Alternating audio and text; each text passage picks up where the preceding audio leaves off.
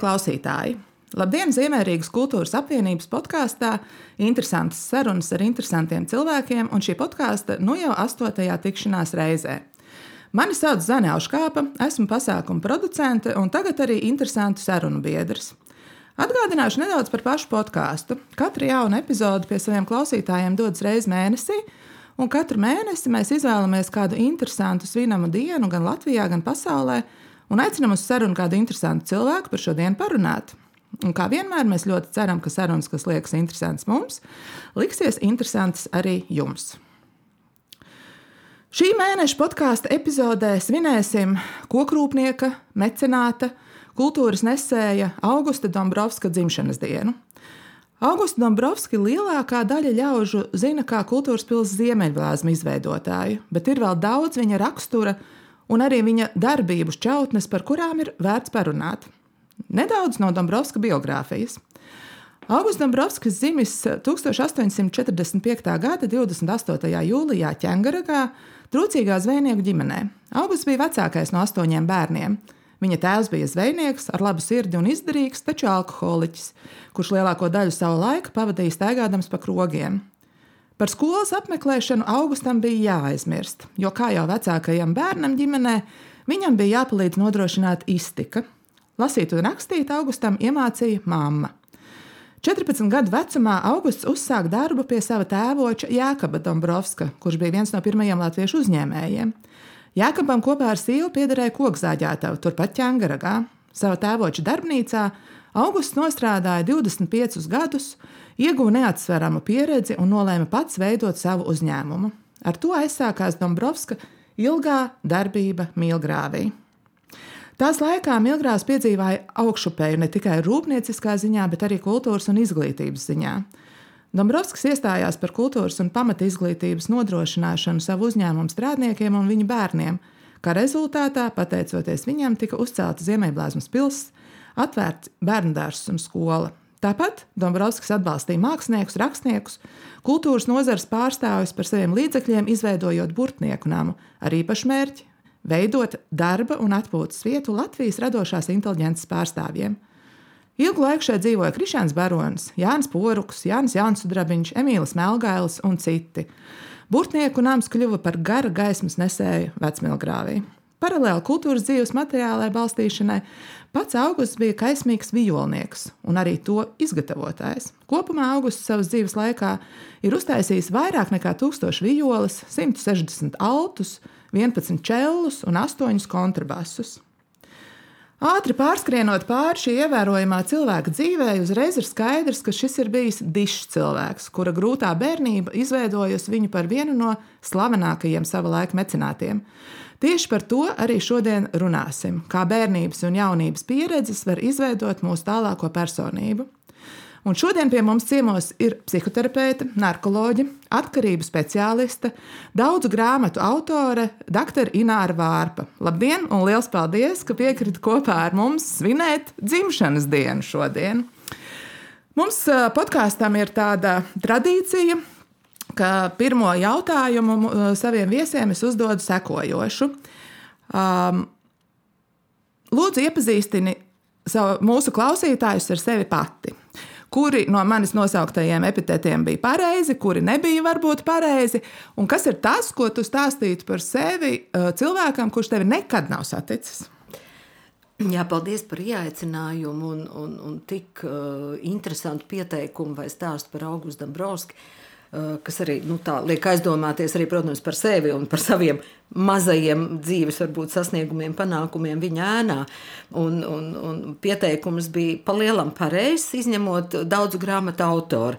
Tas nu gan nebūs pareizi. Es esmu jā, bijusi līdzautore metodiskām grāmatām un, un esmu bijusi eh, dažus paragrāfus rakstījusi kopā ar citiem kolēģiem un, un pāris savus klientus iedvesmojusi pagrūdusi grāmatu virzienā, un, un, un, un, un tas ir arī bijis svētīgs. Bet man vecais tās teica, viens, mm. divi daudz. Jā, tā tiesa.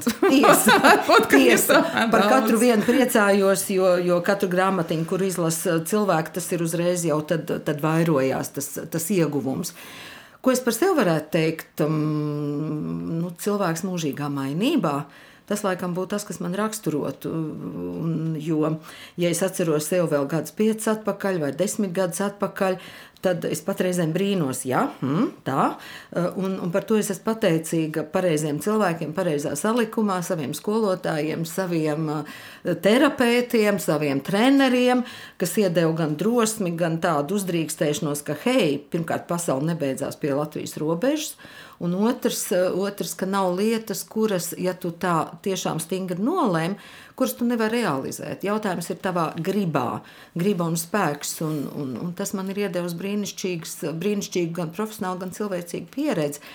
Pasaules kontakti, draugu ziņā, profesionālā ziņā, un, un, un ceļojumi, un, un bagātināšanās, un visu laiku izaugsme. Izaugsme, izaugsme, izaugsme, izaugsme. Un šobrīd es esmu tādā posmā Kas ir tas priecīgi, bēdīgi, dīvainais, par kuru saka, ka ne visiem tas ir, ka tie, tas ir tikai izredzētajiem, un tā ir novecošana, ka to, ka to var piedzīvot tikai izredzētie, jo jaunība ir visiem, pa lielam visiem, ja? bet, bet nu, novec, un tas arī ir jāiemācās, ja? kā, kā saglabāt sevi cieņpilni un novecot skaisti. Novecot skaisti, tas atkal gan ir katram savs saprašanas, kā teikt, veids. Jā, es esmu bagāta, man ir jauki, brīnišķīgi bērni un, un pulks ar mazbērniem, kas arī ir jauna atkal pieredze. Un, uh, nu, kā saka, bērni ir tikai veids, kā tikt pie mazbērniem. Ja? Jā, un ir, protams, vēl viena tāda nejauka frāze. Ja tu gribi kaut kā atriepties saviem bērniem, izveido izcilas attiecības ar, ar mazbērniem. jā.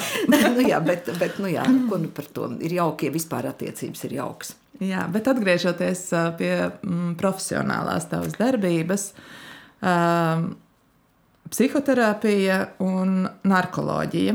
Vai nav grūti visu mūžu strādāt šādā specialitātē, kurā ikdienu tu saskaries ar nu, cilvēku varbūt visdrūmākajām šķautnēm?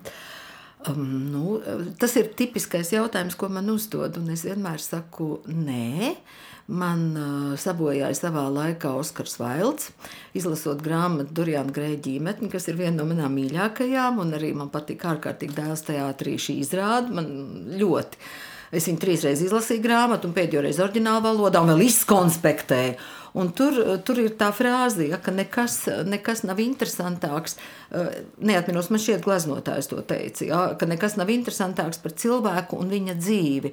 Un ka pētot cilvēku un viņa dzīvi, nu, tas ir kā ielpot tādus indīgus, bet patīkamus tvaikus, skurbt un ar vienu grimta dziļāk. Un, un patiesībā nu, man patīk darbs ar cilvēkiem, un katrs viens ir Eh, ļoti interesants cilvēks. Katrs viens ir daudz ko dzīvē pieredzējis, un, un gan izglītības ziņā, gan profesionālā ziņā, gan cilvēcības ziņā. Jā, tas, ka viņam ir Mm, nu, slimība, nu, bet slimība jau nešķiro cilvēkus. Un, un katrai slimībai ir cēloņu seku sakarība, kāpēc ar to konkrēto cilvēku vai to konkrēto ģimeni tas ir noticis. Ja? Arī Augusts Dombrovskis to ir piedzīvojis. Ja? Un tāpat laikā ja, no slimas ģimenes nāku, nācis, viņš ir, viņš ir daudz ko mainījis, daudz ko pieredzējis, un šodien viņš tiek pieminēts un, un, un atcerējies. Tiek, nu, viņš ir par viņu atcerās. Savukārt no psiholoģijas psihoterapeitiskā, uh, nu, tas būtu no narkologa tas uh, nu, stāsts, ja, bet savukārt no psihoterapeitiskā psihi jau ir jušanās, un terapeuts ir kalps. Nu, mums visiem ir dvēsele, mums visiem ir apziņa, mums visiem ir miesa, bet vai visiem ir līdzsvars tajā? Un vēl kopīgais, ka mēs pilnīgi visi esam drusku traumēti, cits vairāk, cits mazāk. Ja? Nu, mums visiem ir ievainojumi. Tikai ne visi to saprot, ne visi to var pārstrādāt paši. Tāpēc bieži vien viņš arī sāk iet šos paralēlos ceļus un pats ciest, un pakārtoti reizēm tādā ciešanu virknē iesaistās arī pārējie cilvēki.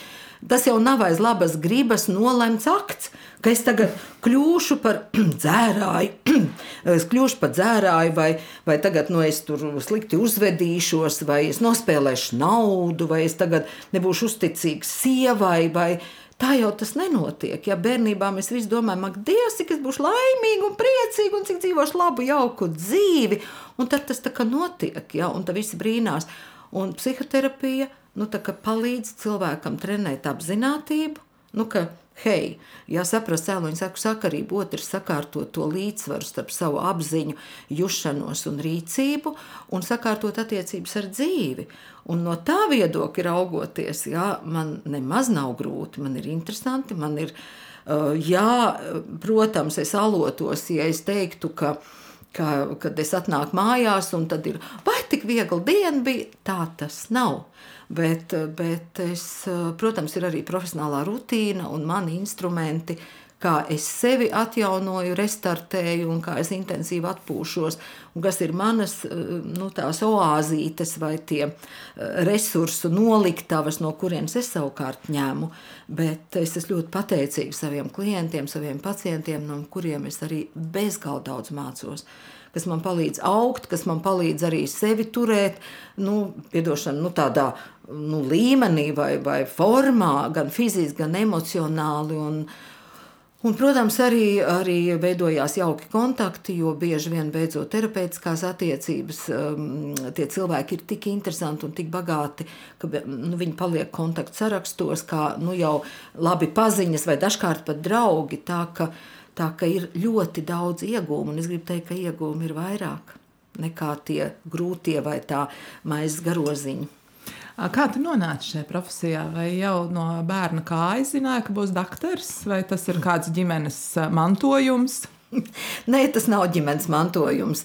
Pirmā lieta man, man ir ārkārtīgi nu, tāda, nu, varbūt izteikta empātija. Man, man tā kā žēl bija kaķīši, sunīši, man bija žēl, ka mamma daudz strādā, man bija žēl, ka, ka papus daudz strādā.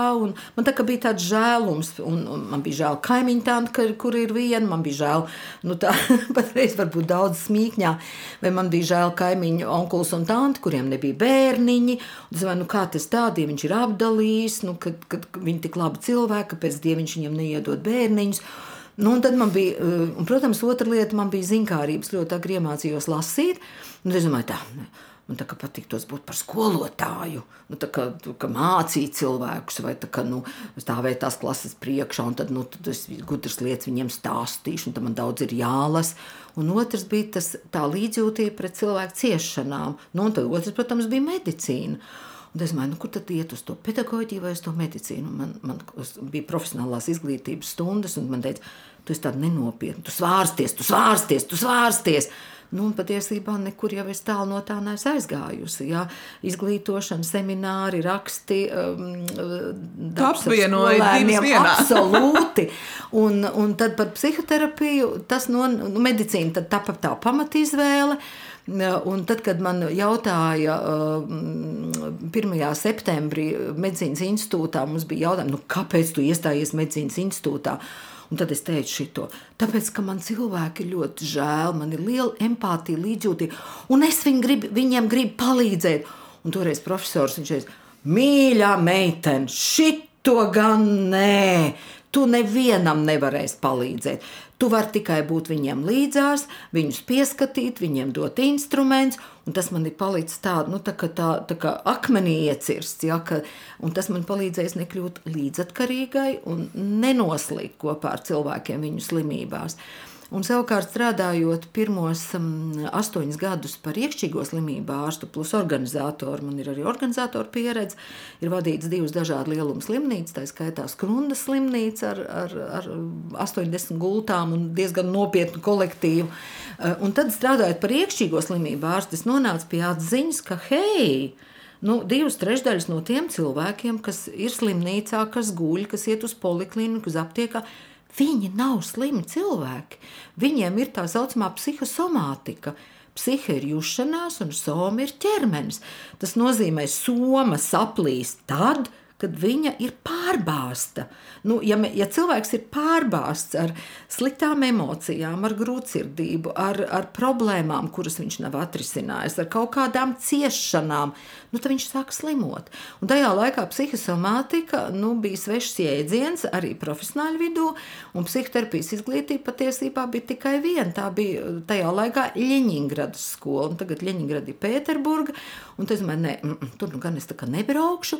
Un tā bija laimīga sakritība, ka sāk nākt iekšā pirmie startautiskie uh, projekti izglītošanā, par labdarību runājot. Ja, un tas bija uh, Skandināvu valstis, bija tāda SIDA apvienība, kas izglīto cilvēkus, un viņi finansēja mūsu latviešu izglītību, kas bija vienkārši, hei, nu, tas tiešām notiek pa īstam, un mēs nemaksājam sākotnēji nevienu santīmu par to, un tā bija startautiska izglītība psihoterapijā, bet narkoloģijas lauciņā. Un tad, nu, tad, nu, kārtis sakrita, ja, vai kosmos izspēlēja joku, ja es piemācījos psihiatriju, narkoloģiju un pārspecializējos no iekšķīgajām slimībām uz atkarību lauciņu un kļūdījusies neesmu ne brīdi, jo atkarība, atkarīga personība ir patiesībā bērnišķīga personība. Un brīžam man liekas, ka nu, tā bērnišķīgā sabiedrība, kas dažkārt mums mēdz būt apkārt, Daļēji, ne visi, protams, nu, ir tas, kas ir neaparts lauks. Ja, tur, tur būs man un pēcnācēju pēcnācējiem, ko darīt un darīt un darīt. Un, un tad, lūk, otrs, lūk, šī psihoterapijas izglītība sākās. Ja, tas bija 90, 92. gads. Un tad nu, tur ir pabeigti viens kurs, un otrs kurs, un trešais kurs, un ceturtais. Un tur es esmu izgājis visus četrus apmācības ciklus. Un man ir tiesības dibināt arī savu uh, psihodrāmas, uh, psihoterapijas specialitātes izglītības institūtu ar savu zieģeli, ar saviem certifikātiem. Bet es, protams, to nedarīšu visticamāk jo man patīk mans darbs, ko es daru ikdienā. Un tā nu, tas sakrita. Un, un no tā savukārt, nu, redz, nu, neārstē jau to uh, alkoholiķi vai azartspēli mani vai, vai šo seksu atkarīgo, bet ārstē šo traumatisko cilvēku, kurš ne, nu, kura identitāte vai kura personība ir ievainota. Un tad viņš meklē tos plāksterus. Viens sameklē šo dzeršanu, viens ies spēlēt azartspēles, citam vajadzēs pulverīšus, citam vajadzēs partneru maiņu un maiņu un maiņu. Citam darbu vajadzēs, viņš strādās kā traks.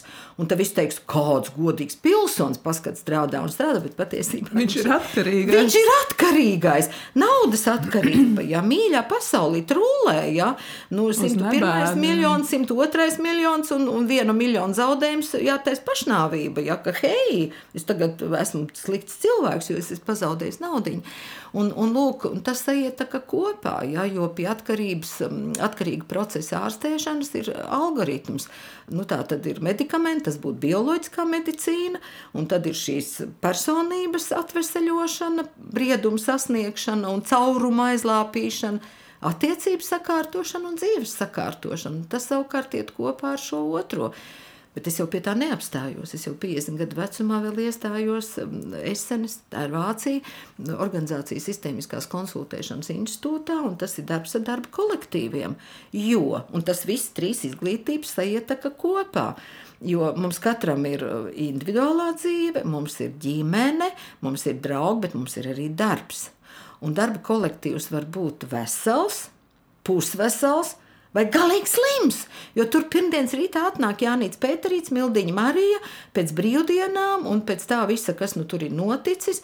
Un ja cilvēki individuālā līmenī nenodarbojās ar izaugsmi, ar savas personības, kā teikt, labāku eh, kvalitātes celšanu, tad viņš ar tiem saviem piedošanu prusakiem, ar tām savām vātīm, kārpām, āža kājām un, un, un, un vēlna ragiem un asti viņš atnāk pirmdienas rītā uz darbu.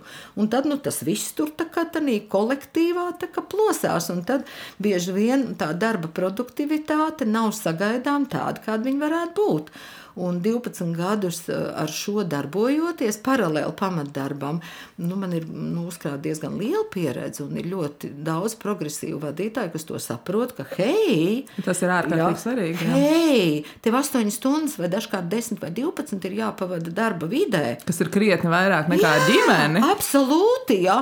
Un es negribu ciest no tavas depresijas vai no tava nesakārtotā gara stāvokļa, jā, mm. vai no tavām paģirām pirmdienas rītā.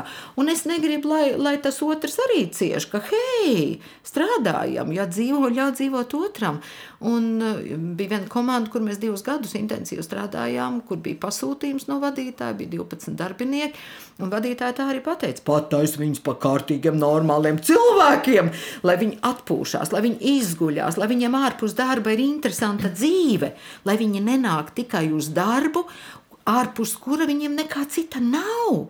Un tas ir par izaugsmu, tas ir par kritisko domāšanu, tas ir par apziņotību un patiesībā būt labam cilvēkam, dzīvot labu dzīvi, to laiku, tenī laiku nogrieznītī, kas tev ir atvēlēts. Tieši tā, bet atgriežoties jau pie, mm, pie tās mūsu mm, šīs tēmas sākuma par bērnību, par to, kā, kurā brīdī mēs um, formējamies vai veidojamies par to labo vai netik labo varbūt cilvēku. Mm, mūsu šīs dienas tēmas uh, sakarā uh, arī mēs par to runājam, par to nu, milzīgo mm, bērnības ietekmi uz cilvēku tālāko attīstību. Jo tieši tā ir noticis arī ar mūsu šīs dienas jubilāru Augustu Dombrovski.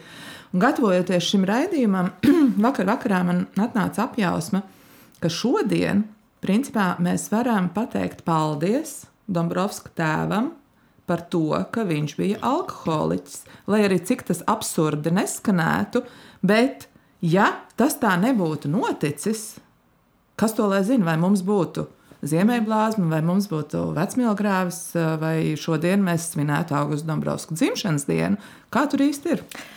Um, nu, šis sasaucās ar to frāzi, ko mēs pa lielam visi zinām. Uh, defektu par efektu. Defektu par efektu, jā, eh, atkarību procesi, atkarību slimība ir paradoksu slimība. Un tie ir tie, tas paradoks, par ko tika minēts. Jā. Jo klausoties, nu, div, divas lietas tur bija viņa bērnībā, svarīgi punkti, jā, kas ir ietekmējuši viņa domāšanu, uztveru un dzīvi. Tā ir nabadzība, kas tika minēta, un tēva alkoholisms jā, nabadzība un tēva alkoholisms. Tad no tā jau, ja mēs tagad drusku mazliet nu, analizētu, jā, tad tas nozīmē, ka šis zēns tika faktiski ievainots viņa pašapziņā. Ja, jo kā ir būt nu, cibiņš un buņģis, ja, mm -hmm. kā ir būt tam nabadzīgajam, ja, kā ir būt ar tām trūcīgām drēbēm, vai ka tev nav tur īsti pārtika. Tu nevari tajā skolā iet. Jā. Vai tu nevari tajā skolā iet, ja, ka tev ir daudz aizliegumu, tev ir faktiski ciešanas, un tas, ievēr, ja, nu, tas ir uztvers jautājums. Ja, Eh, bet, bet, bet patiesībā tu kaut kādā veidā cieti un tava vērtība, ja, ja pašapziņa, ja šis, nu, to sauc par narcistisko ievainojumu, ka mana patmīla drusku tiek ievainota, ja kāpēc ar mani tā, ja es arī gribu tā kā varbūt Jānim vai Pēterim. Viens ir pieticība, ka es esmu pieticīgs, pazemīgs un es iztieku ar to, kas man ir, jo nav iespēja, un tad vieni paliks šī, nu, narcistiskais ievainojums aizies uz nogrimšanu, Nu, ko tad man, nu, ko tad es, nu, kā ir tā jādzīvo, neko jau nevajag, nu, ko tad, nu, neies jau lekt augstāk par sēžam vietu, tā ir viena pozīcija. un Latvijā man šķiet, ir liela daudz, un tas ir tas upura.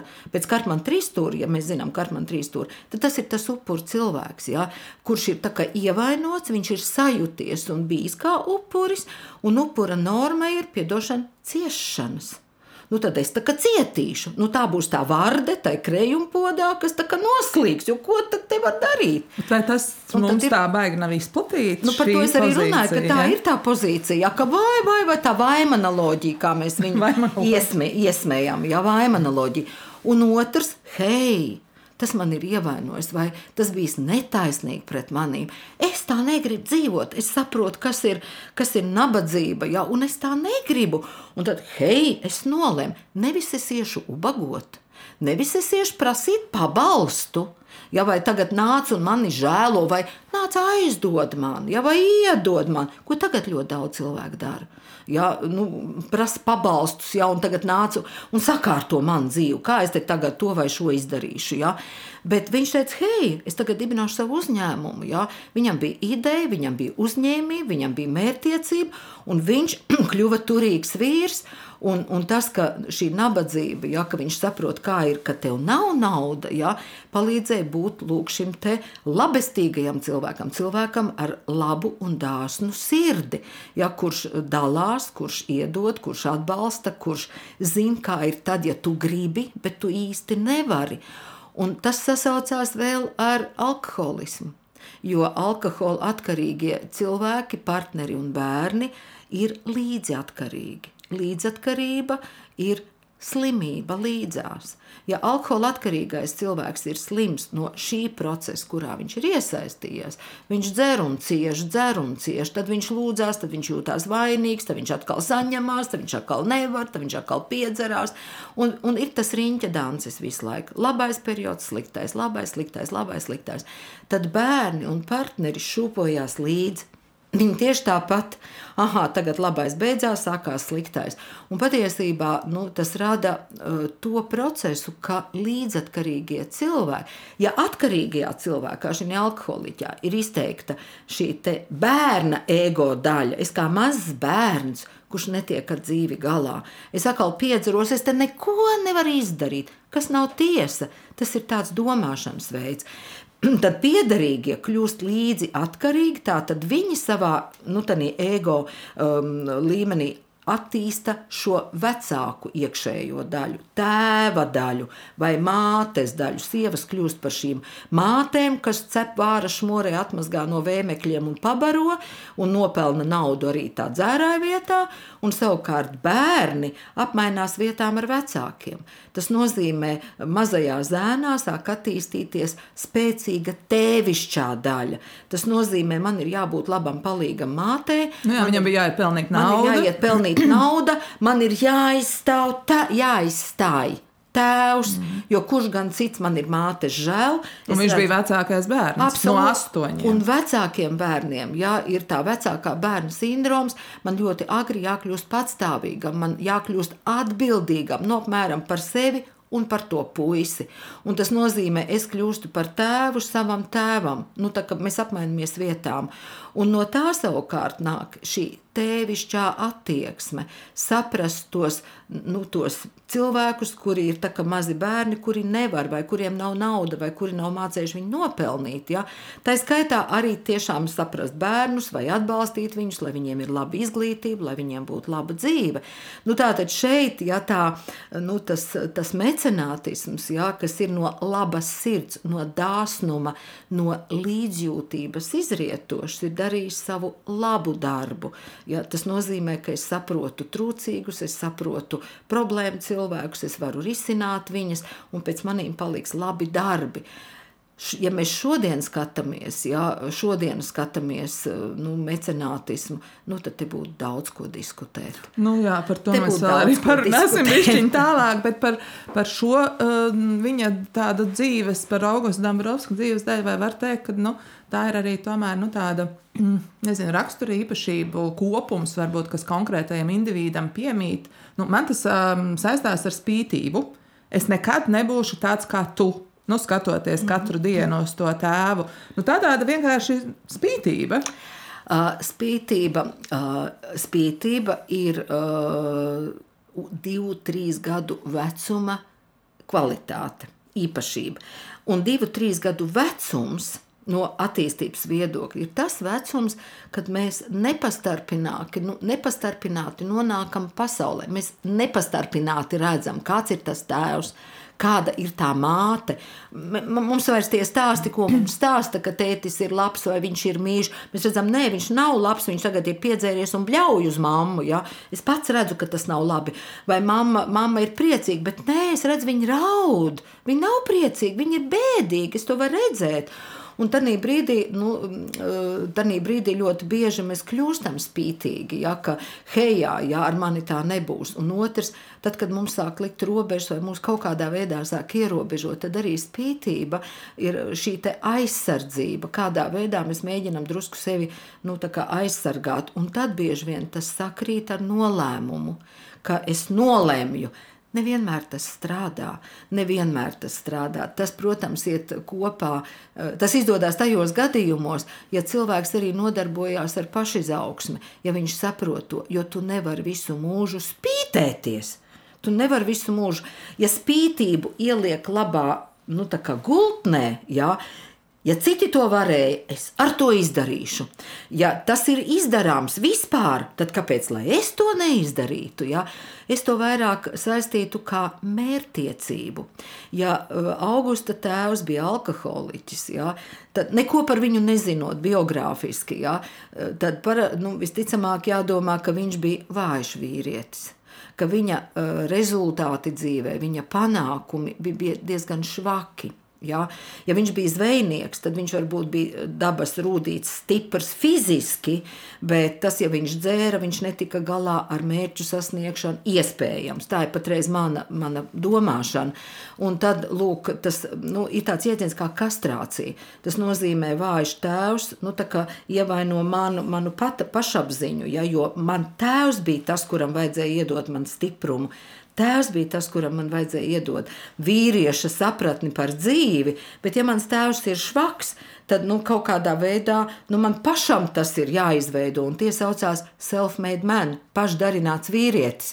Ja es pats sevi veidošu un darīšu, un tad es varu saspītēties un teikt, hei, un tad es savu vērtību nu, celšu, darot labas lietas, vai veidojot biznesu, nopelnot naudu, nu, izvirzot mērķus un viņus sasniedzot, vai, um, vai nolemjot un to izdarot. Ja, vīrs un vārds vīrs un darbi, vīrs un panākumi, vīrs un gods.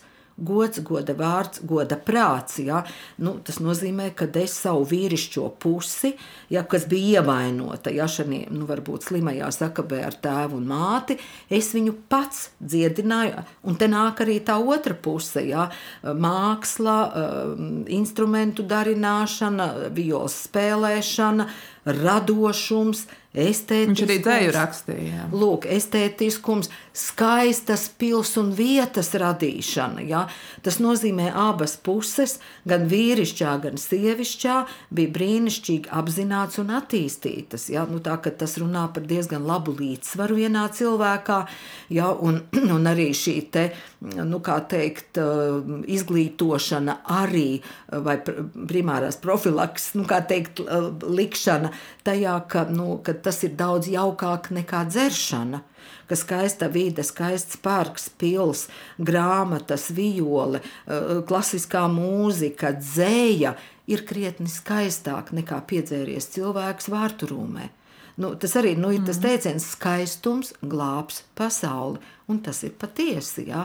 Nu, savulaik detoksikācijas mm, klīnika, kurā es strādāju 17 gadus, aptiekas iela 79, bija ārkārtīgi skaistā saurupmājā ar, ar parketiem, ar skaistām trepēm, ar skaistām lustrām, ar gleznām.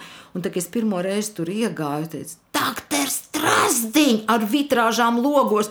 Es saku, doktors Strasdiņš! Šī mājā ārprāts, un tas ir ielikts nu, atskalošanai, cilvēku alkoholiku, narkomānu atskalošanai tādā skaistā mājā, vai tas nav grēks? Un toreiz viņš paskatījās uz maniem un teica šo frāzi kolēģi. Skaistums glābs pasauli. Tad, kad viņi atrēps no sava re, nu, reibuma, tad iespējams tā vide viņam liks justies diskomfortā. Nu, ka varbūt labāk ir tomēr nedzert un, un sajust to savu, kā teikt, nu, to nu, kaunu par to, ka es esmu tāds, bet es varētu būt labāks. Man labāk piestāvētu būt necerošam, labi koptam, inteliģentam, nu, kā nu, inteliģents šo nometam, jo inteliģence jau ir adekvātums patiesībā. Un, un tad, skaistums glābs pasauli, un to arī uh, Augusts Dombrovskis brīnišķīgi ir darījis. Nu, viņš to darīja visu mūžu, jā, un tāds bija tāds stiprs gribas cilvēks, un Dombrovskis viennozīmīgi ir uh, piemērs tam, ka labklājība nebūtu nav tas lielākais um, dzinulis dzīvē. Dombrovskim skolā, nu, viņš skolā nebija gājis vispār nevienu dienu, uh, bet uh, laika biedri viņu atceras kā ārkārtīgi sirdsgudru cilvēku un savu, savu mm, biznesu, gribās teikt, pat nu, tajā laikā viennozīmīgi impēriju, viņš arī uzbūvēja bez akadēmiskajām zināšanām. Tā tad, nu, jebkurā gadījumā viss apstājas pie gribas.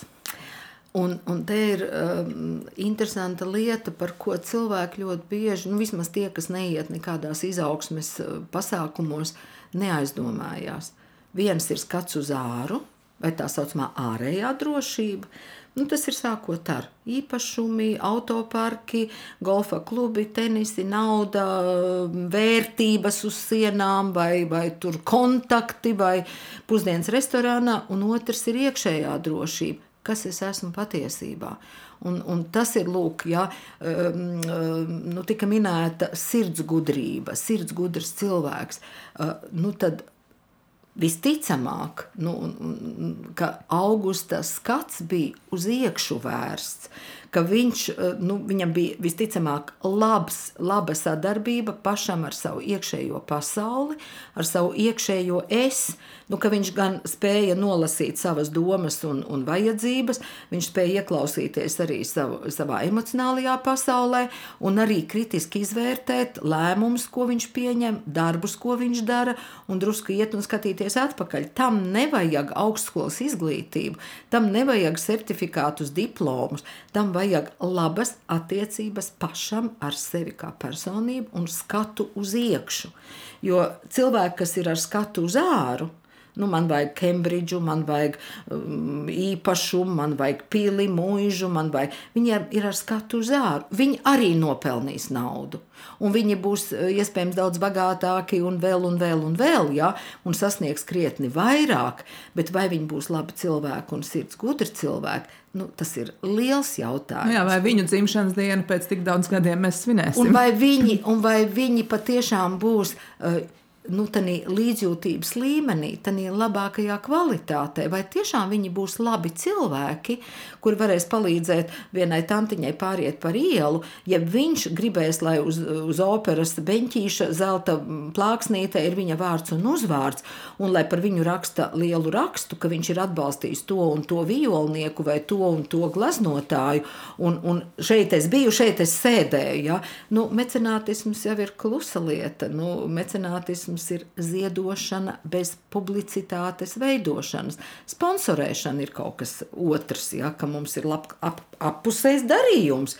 Mēs apgribam kaut ko labu no šitā iegūt. Nu jā, šodien, ja mēs pieskarāmies šai tēmai, tad arī mūsdienu mecenāti, bet jā, es ne, par šo nebiju aizdomājusies. Starpības starp sponsoru un mecenātu ārkārtīgi interesanti. Jā. Bet arī mūsdienu mecenāti, nu, kas tiek saukti par mecenātiem, nu, viņi gozējās žurnālu priekšējās lapiņās, un arī tie zelta plāksnītes uz, uz, uz, tām, uz tiem krēsliem vai bibliotēkā, kur arī ir plāksnītes, cik nu kurš tur ir un pēc plāksnītes izmērtu var saprast cik ir tā, cik ir tā naudas summa bijusi. Bet, bet savukārt Augusts Dombrovskis. To, tas arī ir no viņa mm, līdzcilvēku atmiņām un, un no vēsturnieku pētījumiem. Ir nu, ļoti daudz liecības par to, ka viņa, viņš ļoti daudz palīdzēja cilvēkiem, gan saviem strādniekiem, gan kultūras darbiniekiem. Uh, bet viņa vienīgais nosacījums bija, lai par to neviens nezina. Un, un tāpēc ļoti Lūk. daudzas viņa lietas principā ir pat nezināmas. Jo vienkārši ir zināms tas, ka neviens par to neko nezina. Jā, bet tas jau arī ir mecenātisms. Mecenā, nu, cik es lasīju definīciju, es taču arī mazliet mācījos par šo, jo, jo es neesmu to pētījusi. Ja? Bet nu, tā ir tā atšķirība, ka mecenātisms jau pēc definīcijas tā ir labdarība bez uh, sautīgas ieinteresētības, ka es daru labu un neprasu neko par to. Arī ne atsauksmi, arī ne interviju, arī ne rakstu, arī ne reklāmu, neko. Un es neprasu, lai mana uzņēmuma uh, logo būtu tagad uzlikts uz skatuves, ja kur tagad notiek šis pasākums. Nu, tas nav mecenātisms, tas ir sponsorēšana. Tur ir absolūti nu, apusēji. Milzīga starpība. Milzīga starpība. Mans dīls, man to vajag, un tev to vajag. Tev vajag manu naudu, un pasākuma, šī pasākuma norisi pie kam labā līmenī, un tas prasa tik un tik naudiņas. Un savukārt man vajag pabarot savu pašapziņu, savu narcismu barot, savu ievainoto ego. Varbūt šis cilvēks arī nāk no trūkuma Un ļoti daudz intervijas par mūsu cilvēkiem par to runā. Viņš arī bija vai nu septītais bērns nabadzīgā ģimenē, dziļā latgalē, vai nu viņš bija alkoholiķa bērns, sists un pērts, vai nu izaudzis bez tēva vispār, un slima māte ar diagnozi mentālu. Nu, arī, bet, bet tur ir savādāk. Tur tas ir aizgājis varbūt savā narcisma barošanā.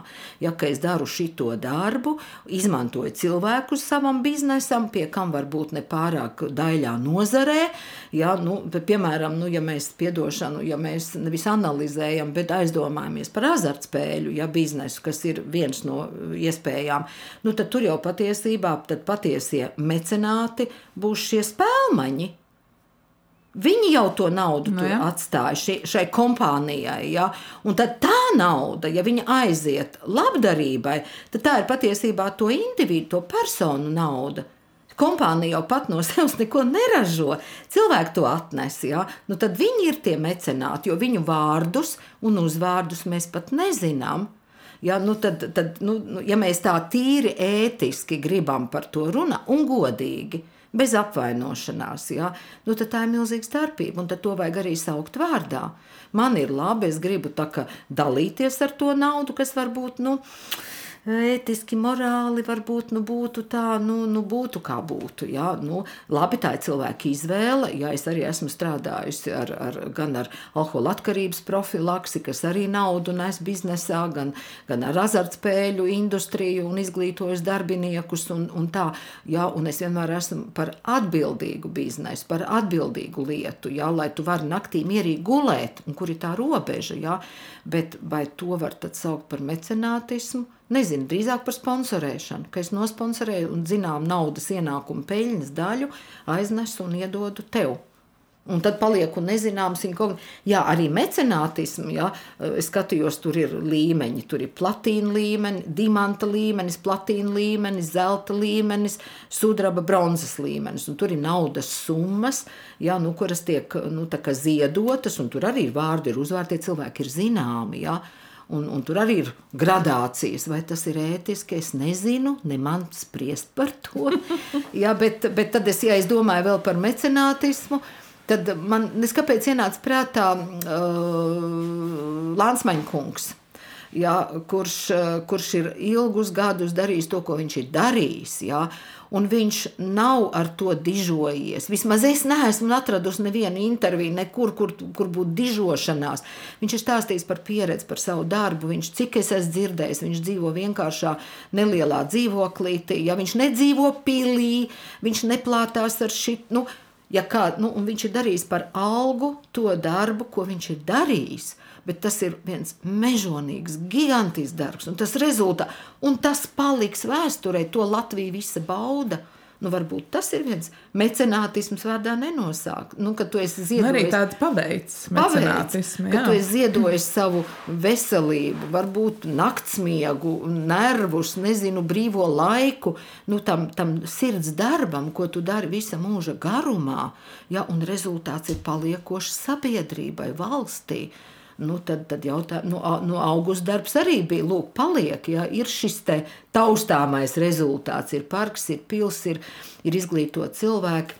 Nu jā, tā augstākā, mm, tā viņa, nu, teiksim, manuprāt, tā mecenātisma, visa tāda esence ir viņa testaments, kas ir mums arī Ziemeļblāzmas pilī, um, tā mākslinieciski kopija izveidot viņa piemiņas istabā, uh, kur viņa, viņš pats raksta savā testamentā visu savu kustamu un nekustamu mantu. Es novēlu savai mīļajai Latvijas tautai.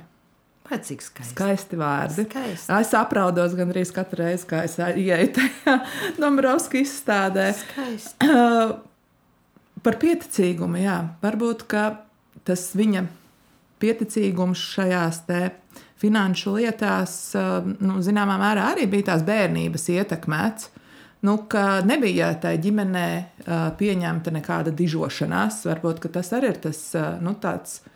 Varbūt no mammas vairāk tas mantojums, ja, ka nu, mēs nu, ne, neskraidām pa pasauli un nestāstām visiem, cik mēs labi esam.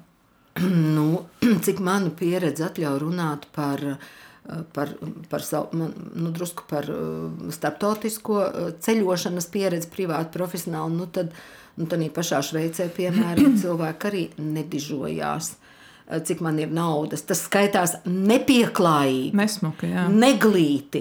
Ja tu tagad dižojies ar lieliem limuzīniem, tur lielu autoparku ar kabrioletiem, džipiem, pat tām mazām kalnu serpantīnu ceļiem, tas skaitās nepieklājīgi. Jā? Vai tu tur dižojies ar saviem dārgiem uzvalkiem, vai tu tur tagad vēderi izgāzi sēdi Mišlīna restorānā, vai tu, nu, Arī tur, protams, ir dzeltenā presa, un tur tāpat ir tankas intrigas, un viss notiek. Un arī tur ir neveseli problēma cilvēki. Bet tā, nu, tas mainstreams, kā tagad saka, tā, tā galvenā Tas nav kultūrā, tas ir nepieklājīgi. Ja viņi brauc ar mazām mašīnītēm, ministri brauc ar um, vilcienu uz, uz darbu, ja viņi, nu, uh, vai ar velospēdu, ja nu, viņi neplātās. Jā, tā kaut kāda tāda iekšējā kultūra. Iekšējā kas nav atkarīga varbūt nu, no Brovska gadījumā, kas nav atkarīga jā, no izglītības. Absolūti, un, un es to sauktu par briedumu, viedumu briedumu, viedumu.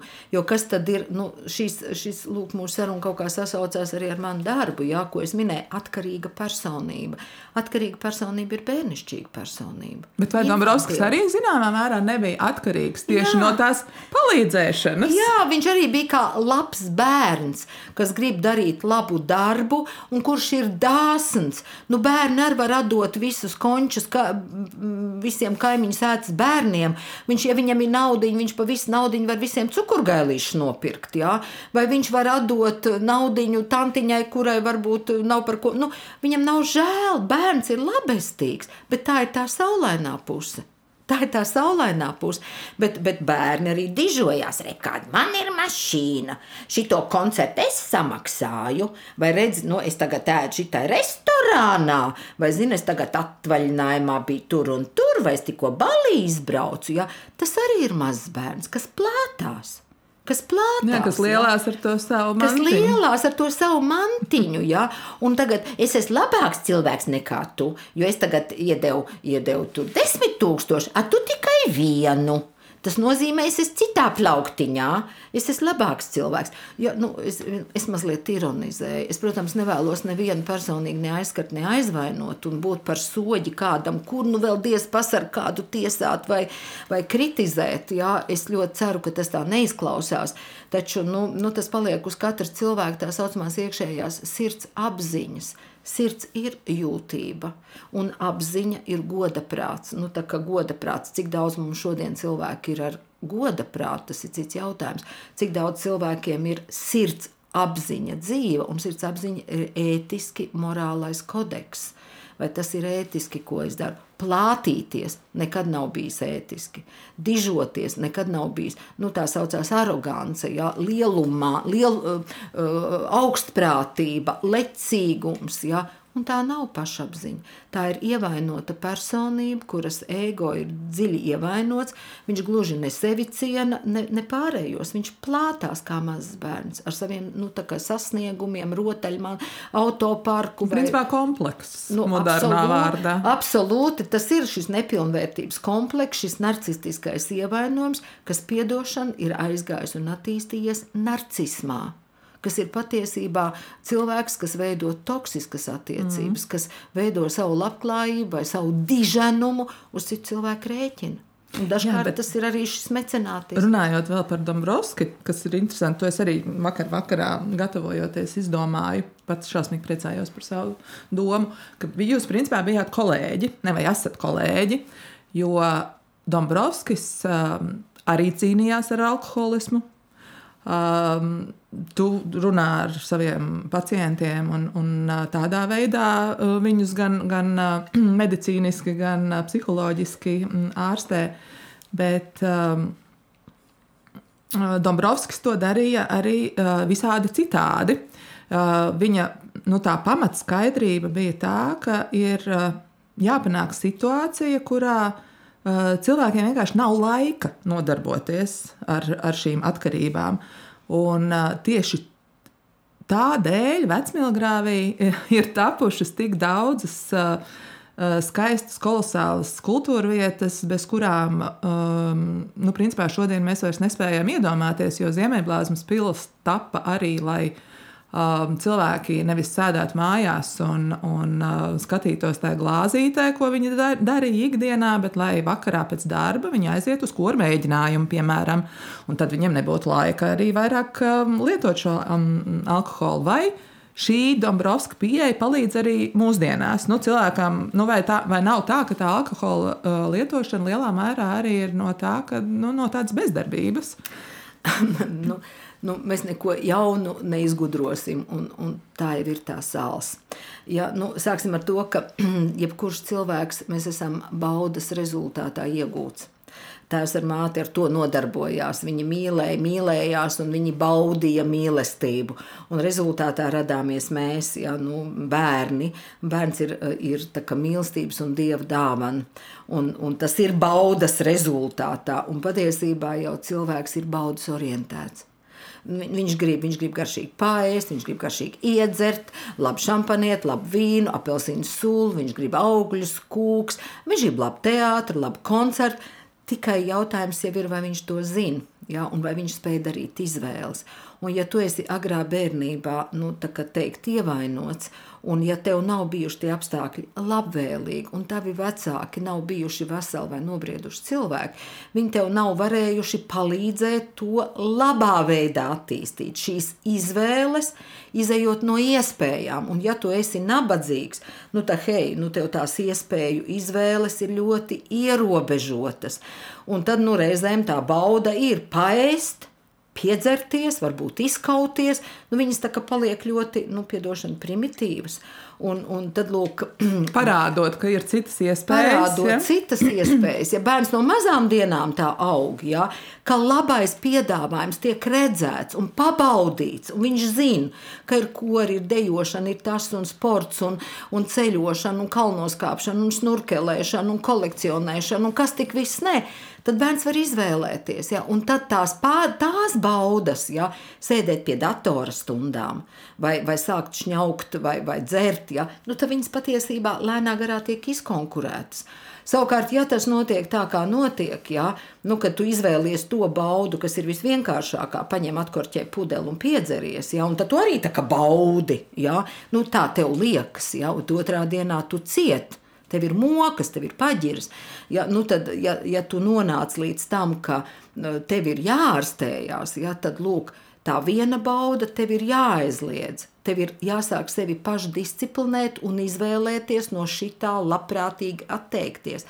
Un tad tev jāmācās ir jaunas baudas tev jāsāk būvēt ja, lūk, šī baudu ražošana, jo, jo kas ir apakšā? Apakšā ir nu, atkal fizioloģija, ja, serotonīns, dopamīns, oksitocīns, uh, adrenalīns, noradrenalīns. Nu, viss šīs lietas. Es pieņemu, Dombrovskis šito gan nezināja. Viņš to nezināja. viņš to nezināja, un paldies Dievam, ka viņš nezināja. Viņam pietika ar to, ko viņš zināja, viņam bija sirds gudra. Viņam sirds bija vieda.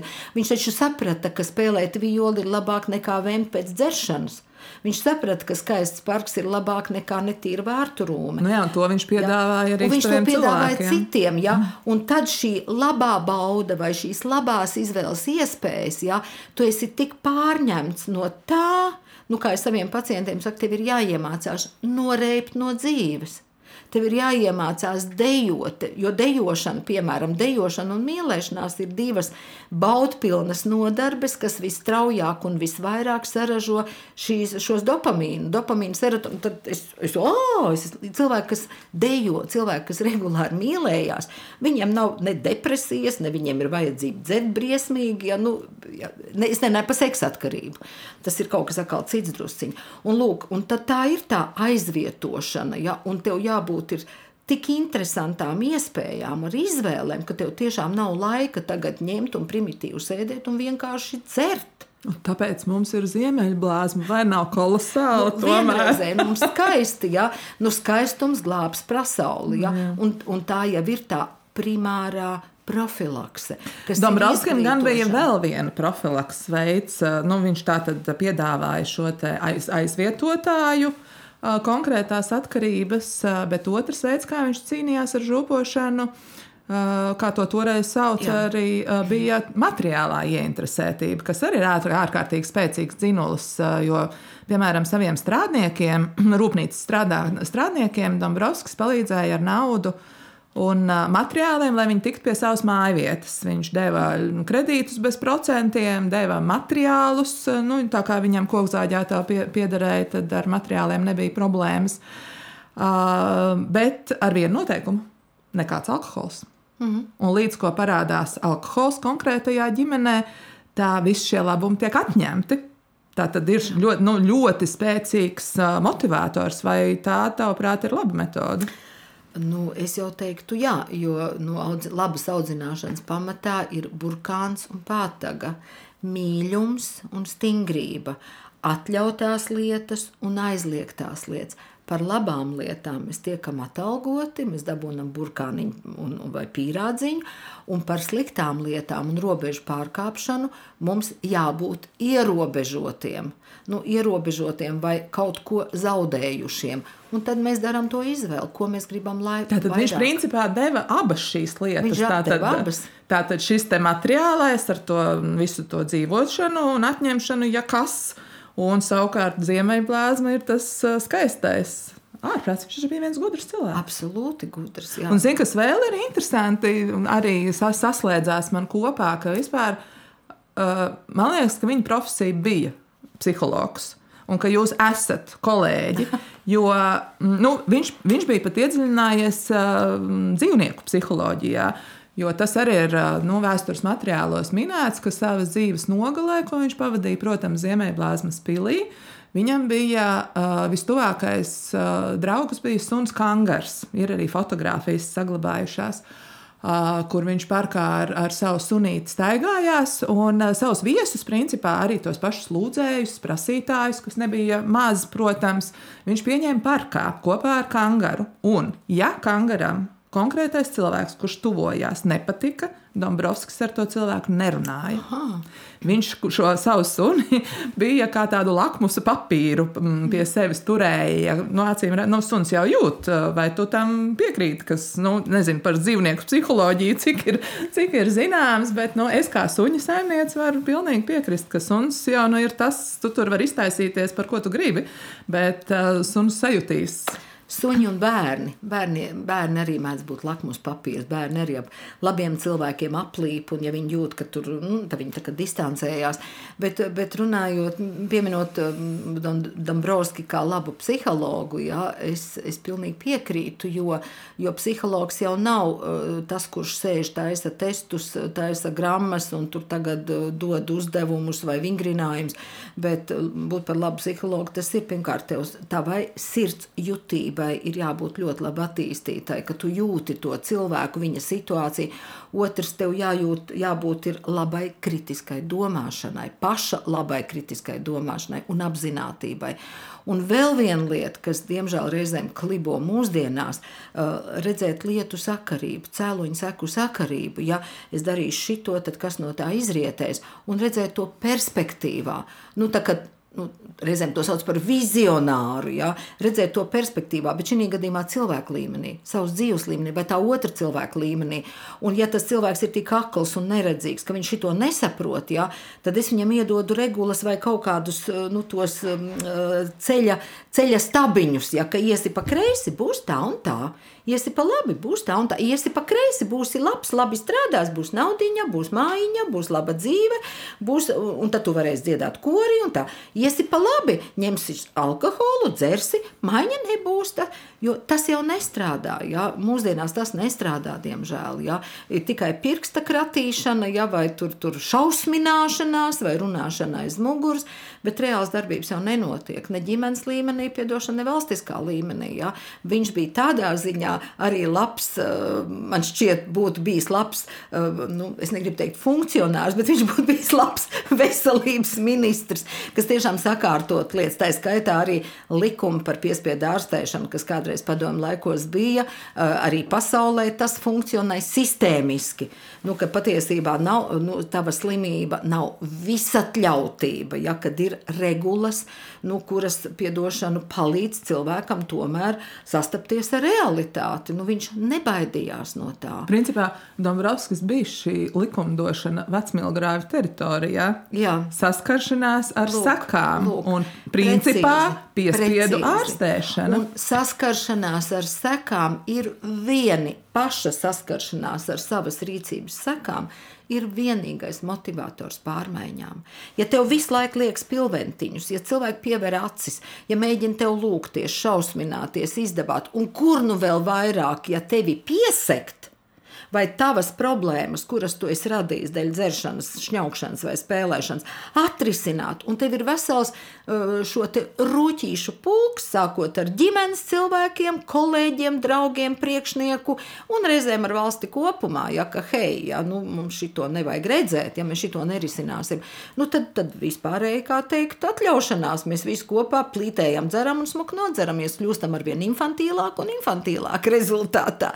Ja, tad, ja nav regula, regulu.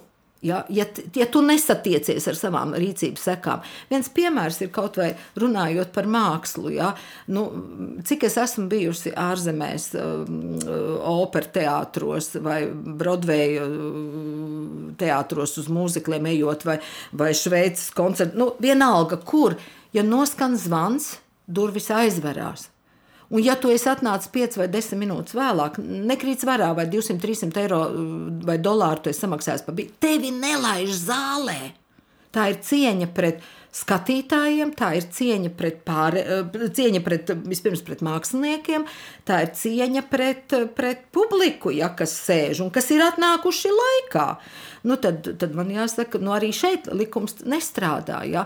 Mums taču var nokavēt, tādā pašā dzintara koncerta zālē cilvēki nāk iekšā, stāvus, skaļi runājot, vēl trokšņojot, tad vēl nedod mobilais telefons iezvanās. Nestrādā. Un ja tu nesastopies ar savas rīcības sekām, nu, ka tu kavē un traucē citus, tu mūžīgi kavēsi. Un tas nozīmē, hei, bērnu dārsts vairojās. Ja, nu, Dabrovskis to darīja ļoti gudri, ļoti pareizi. Ja, kad labās lietas tiek atalgotas, sliktās tev jāsastopās ar konsekvencēm, un tā ir tava pieauguša cilvēka atbildība. Tu neesi bērnu dārzā, tev trenē kritisko domāšanu, kas tev vairāk piestāv, ko tu gribi.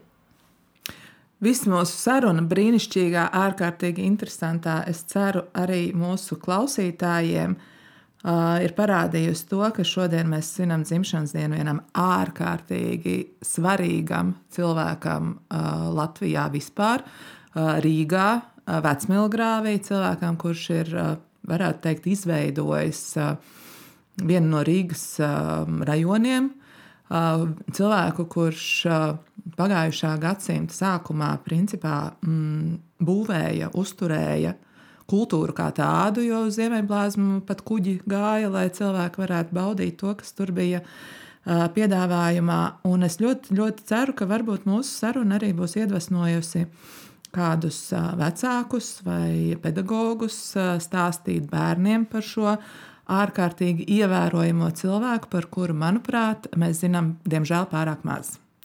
Un mūsu sarunas noslēgumā ievērojot arī dzen, um, šī podkāstu tradīciju, tavs vēlējums sev, mums, Augusta Dombrovska dzimšanas dienā?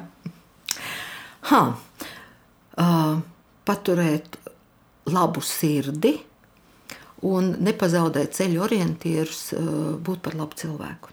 Brīnišķīgi. Lielas paldies, tev, ka piekriti būt mūsu šodienas sarunas viesis, un liels paldies arī jums, klausītāji. Tiekamies jau augustā, bet līdz tam gaidām jūsu atsauksmes un ieteikumus mūsu nākotnes podkāstiem. Varbūt jums arī padomā ir kāds interesants cilvēks, ar ko mums sanāktu interesanta saruna. Dodiet ziņu un atā!